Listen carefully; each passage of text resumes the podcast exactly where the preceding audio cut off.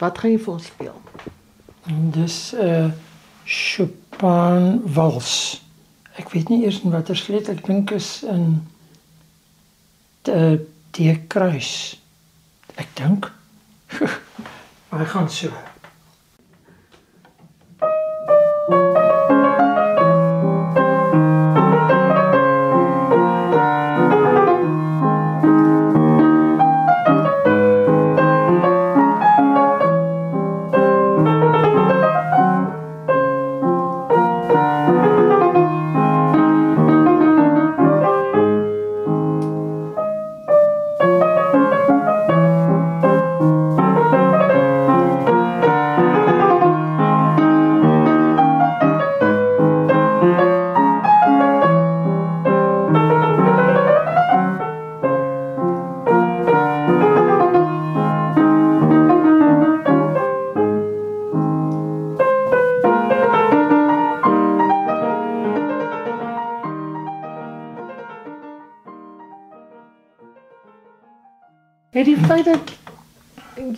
Musiek kan speel en verstaan als gehelp dat jy ritme van dialoog en van woorde kon. Baie, baie, ja. Ek het die vertoning gaan kyk oor die naweek wat ek baie beïndruk mee is. Maar daar is nogtans iets missing en ek dink dis musikaliteit. Daar's baie akteurs wat op 'n of ander manier nie noodwendig musiek goed verstaan of net voel nie. En dit het baie 'n uh, groot invloed op die manier hoe jy lyne sê, jou tydsberekening, alles. En hart en sag en vloei van musiek. Musiek vir my praat direk tot jou siel, jy weet. En as jy dit met taal kan regkry dan voel mense iets aan direk wat meer as net die woorde beteken.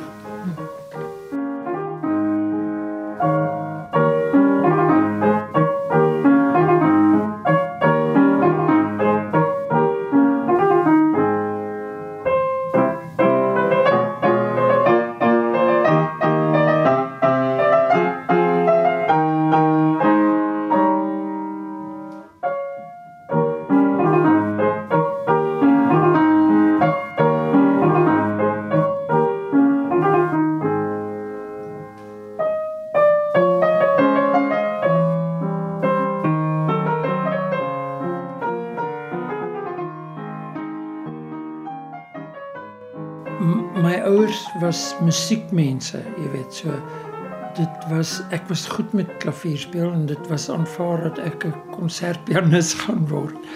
En ek het toe na skool het ek gaan werk in 'n kantoor eers vir 'n jaar en toe het ek besef nee, ek is nie mal daaroor nie, want ek het nie mooi geweet wat ek wil doen nie.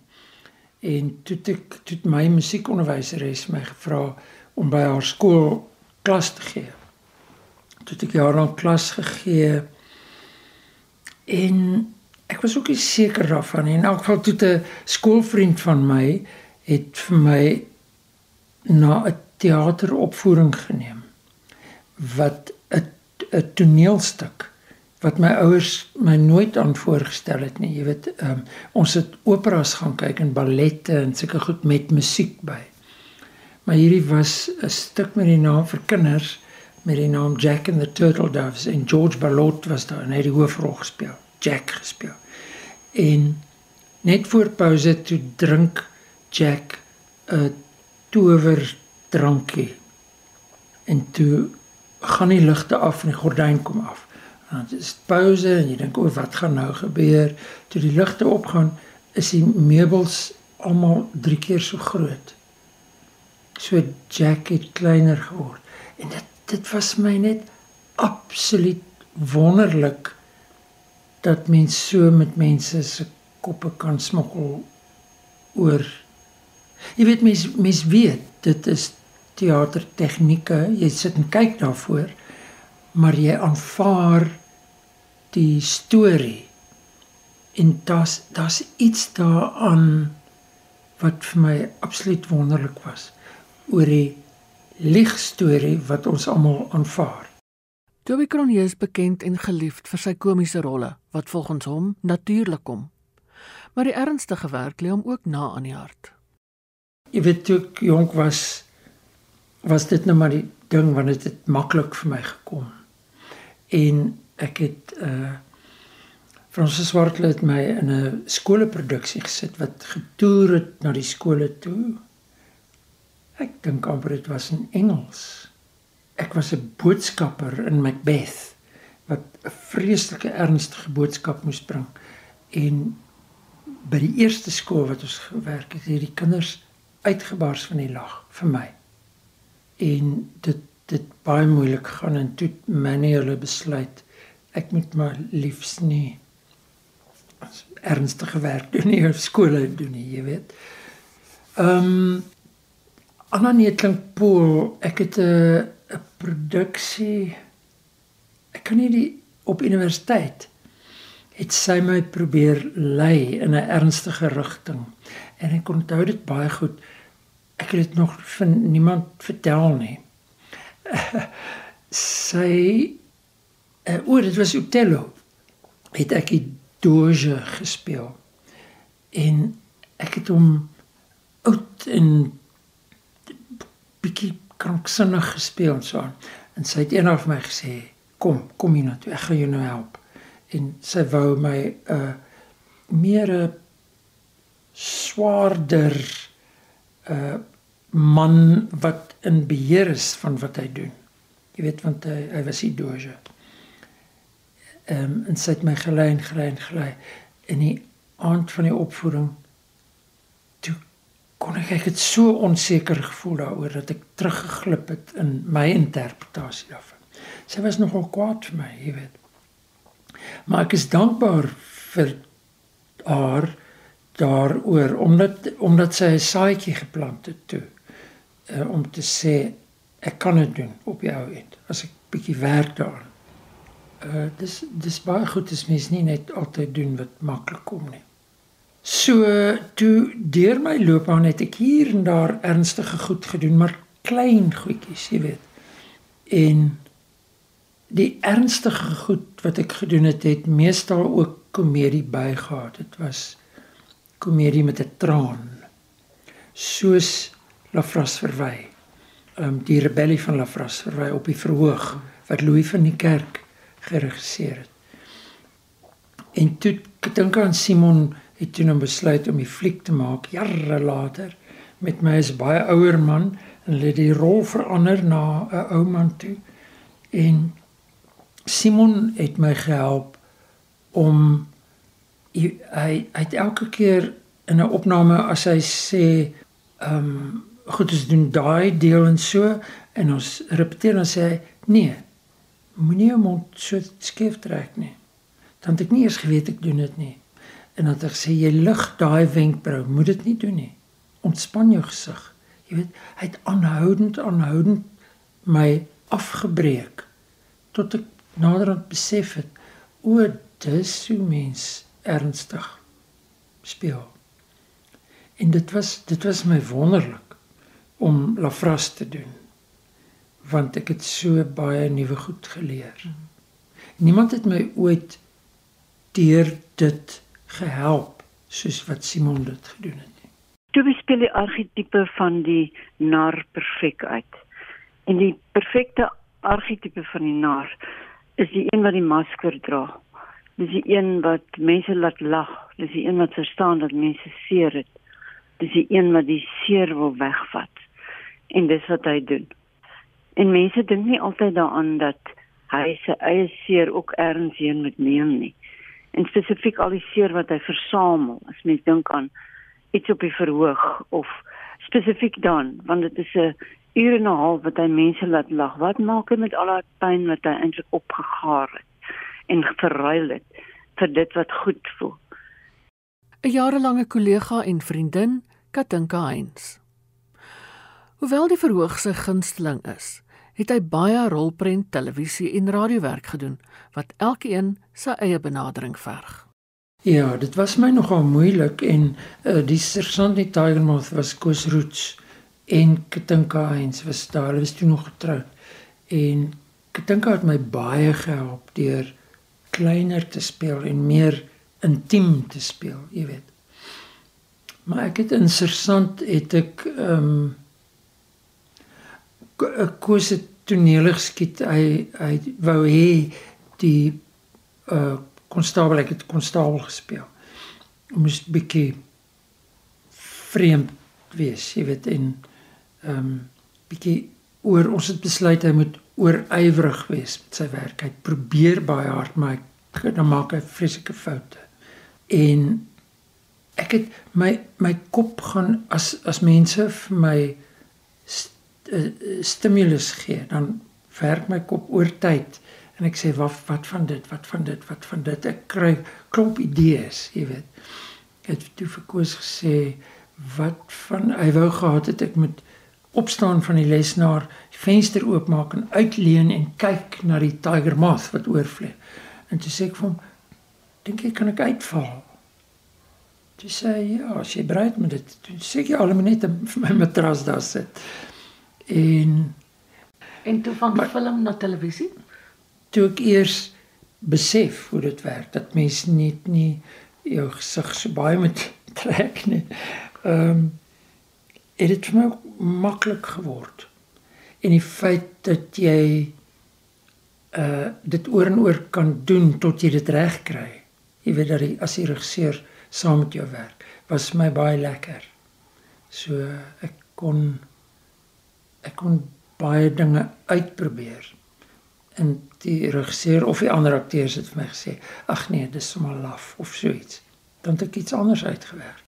Maar televisie het ook amper 'n 'n ander styl dan as film. In film moet mens jou ore oop hou en weet wanneer die regisseur naby skoot gaan neem en wanneer dit ver is en so.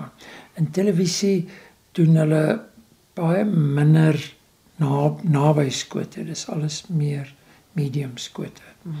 So dan dan kan jy jou ding doen. Ek dink uh, die mikrofoon in die ateljee is nog meer sensitief as in 'n film.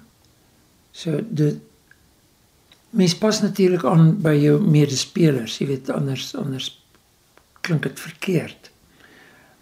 Ek dink ek dink hoe fyner genuanceerd mens speel, hoe beter is dit vir die radio. Ek hou daar, ek dink as oor ek oud word, hou ek daarvan om as dit 'n snaakse rol is, hou ek daarvan om ernstige deeltjies ook in te sit, jy weet, om my gehoor in die eerste plek te laat glo in daai karakter. Ek het daai dag al 1000 keer in my kop oorgespeel. Weer en weer en weer. Wat as ek nie in die boonste land was nie? Wat as ek en jy nie weer oor een of ander nonsens vasgesit het die vorige week nie? Wat as jy plaas toe gekom het soos jou ma wou gehad het daai naweek? Dan was ek by die huis en nie in die boonste land nie. Dan was ek daar. Pa. Pa, dan was ek daar toe hulle jou ma en iemand vasgebind het. Dan was dinge dan anders dan kon ek miskien nog iets gedoen het. Wat as, wat as? Ah. Wat as ek kon keer dat jou ma vermoor is, Junior?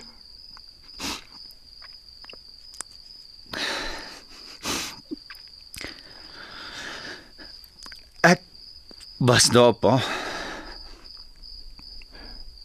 Wat bedoel jy?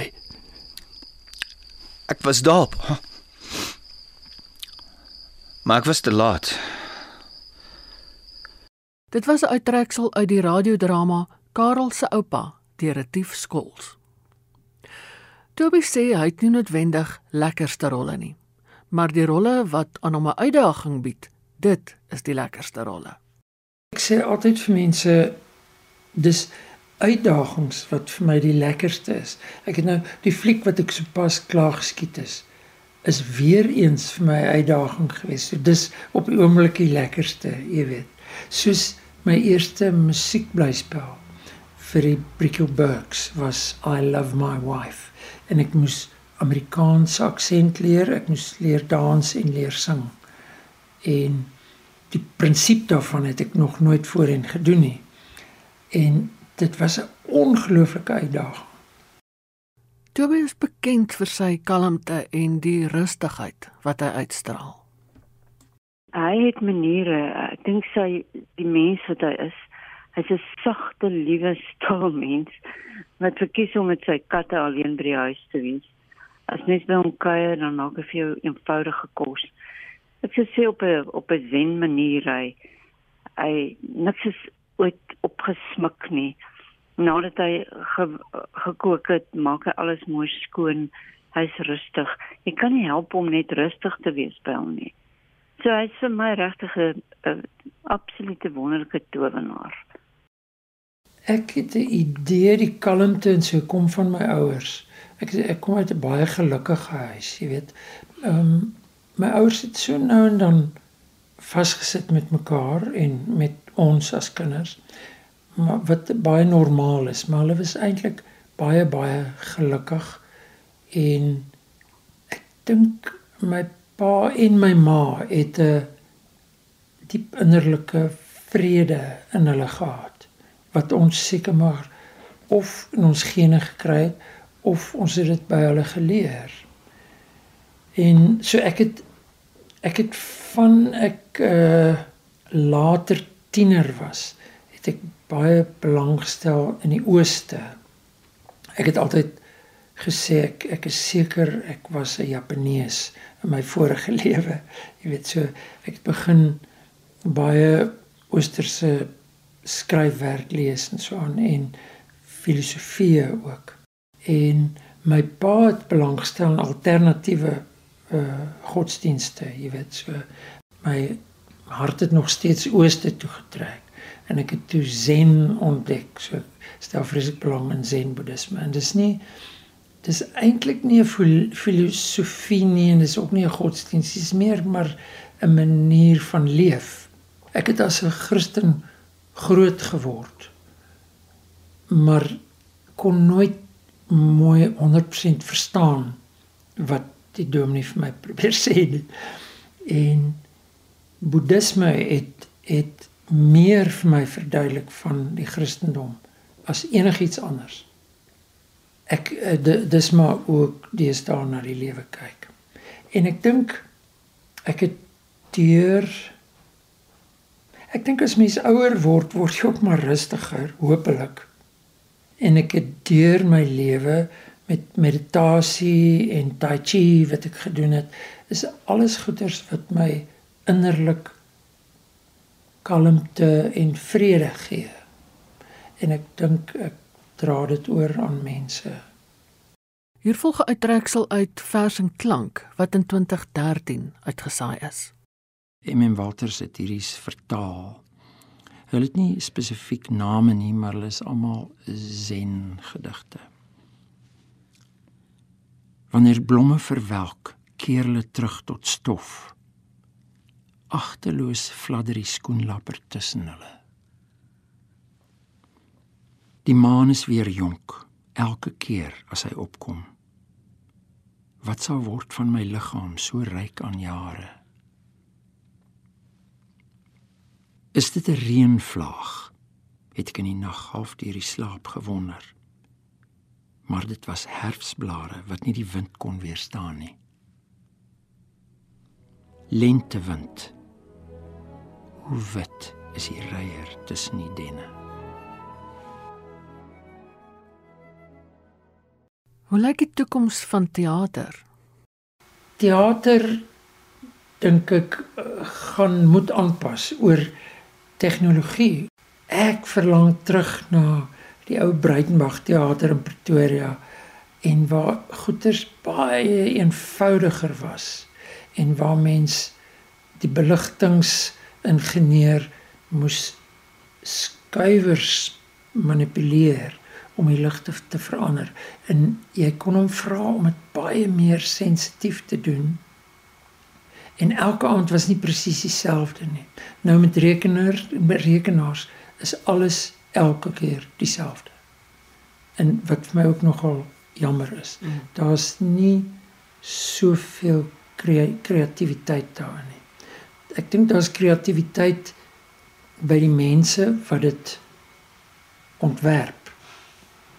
Ehm um, maar ehm um, dan van, daar af is dit elke aand dieselfde. So ons word bietjie soos masjiene. Dit bekommer my. Theater ek dink teater is spesifiek daar om mense in die hier en die nou te laat leef en te weet wat spontaniteit is nou en deur tegnologie vir dit minder. Ek dink teater as sulks sal nie weggaan nie. Dit gaan maar net baie verander.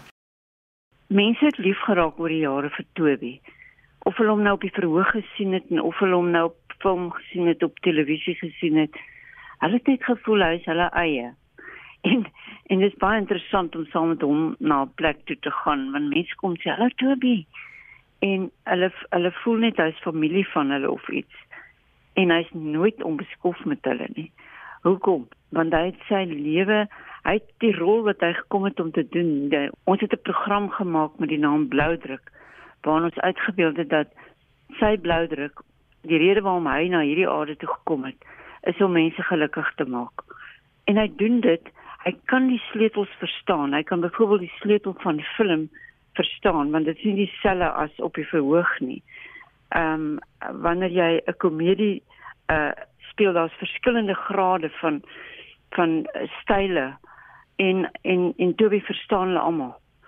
En om teenoor hom te speel byvoorbeeld is wonderlik want hy is steel nie mense se se se ruimte nie. Hy steel nie mense se ruimte nie of dit op die verhoog is of dit nou film of teater is hy hy gebruik sy eie ruimte ten beste.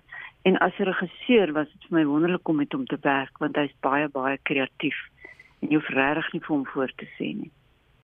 En daardie kreatiwiteit kry hy uit die wêreld om hom.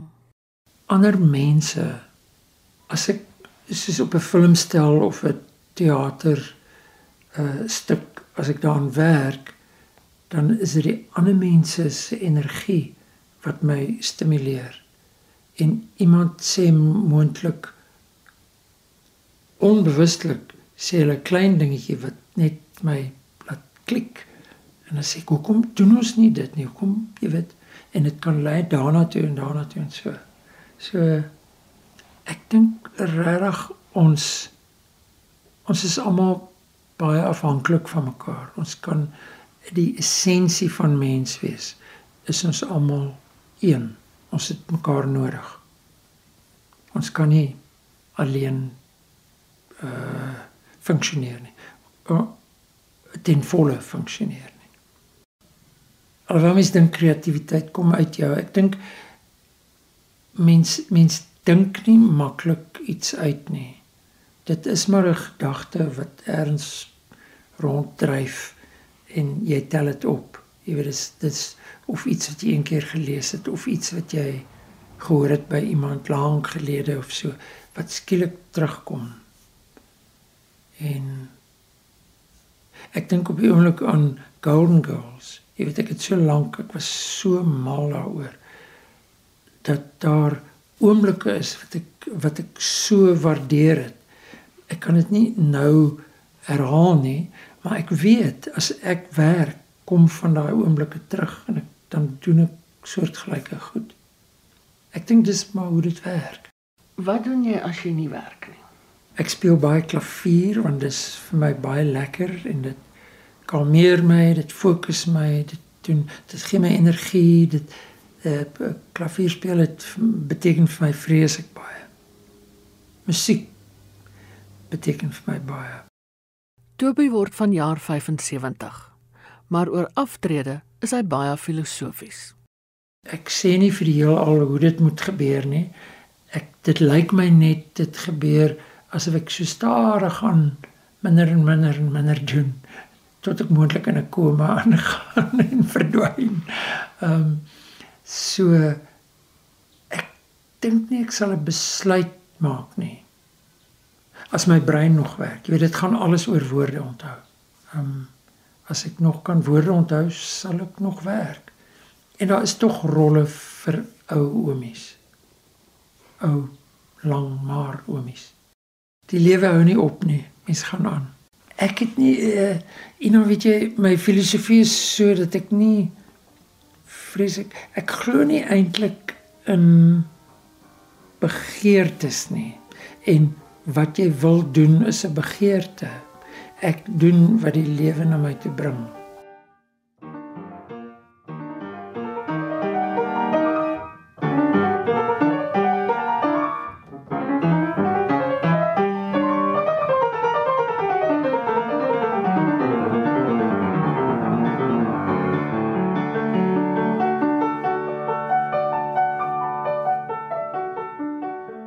Dit was waar noot en woord bymekaar kom. 'n Profiel oor Toby Cronje wat vanjaar 75 word. Dankie aan Karen de Tooy van die SAIK se klankargief en aan die veelbekroonde regisseur Katinka Heinz. Die klavierspel is deur Toby self. Waar noot en woord bymekaar kom, is saamgestel en aangebied deur Ina Strydom.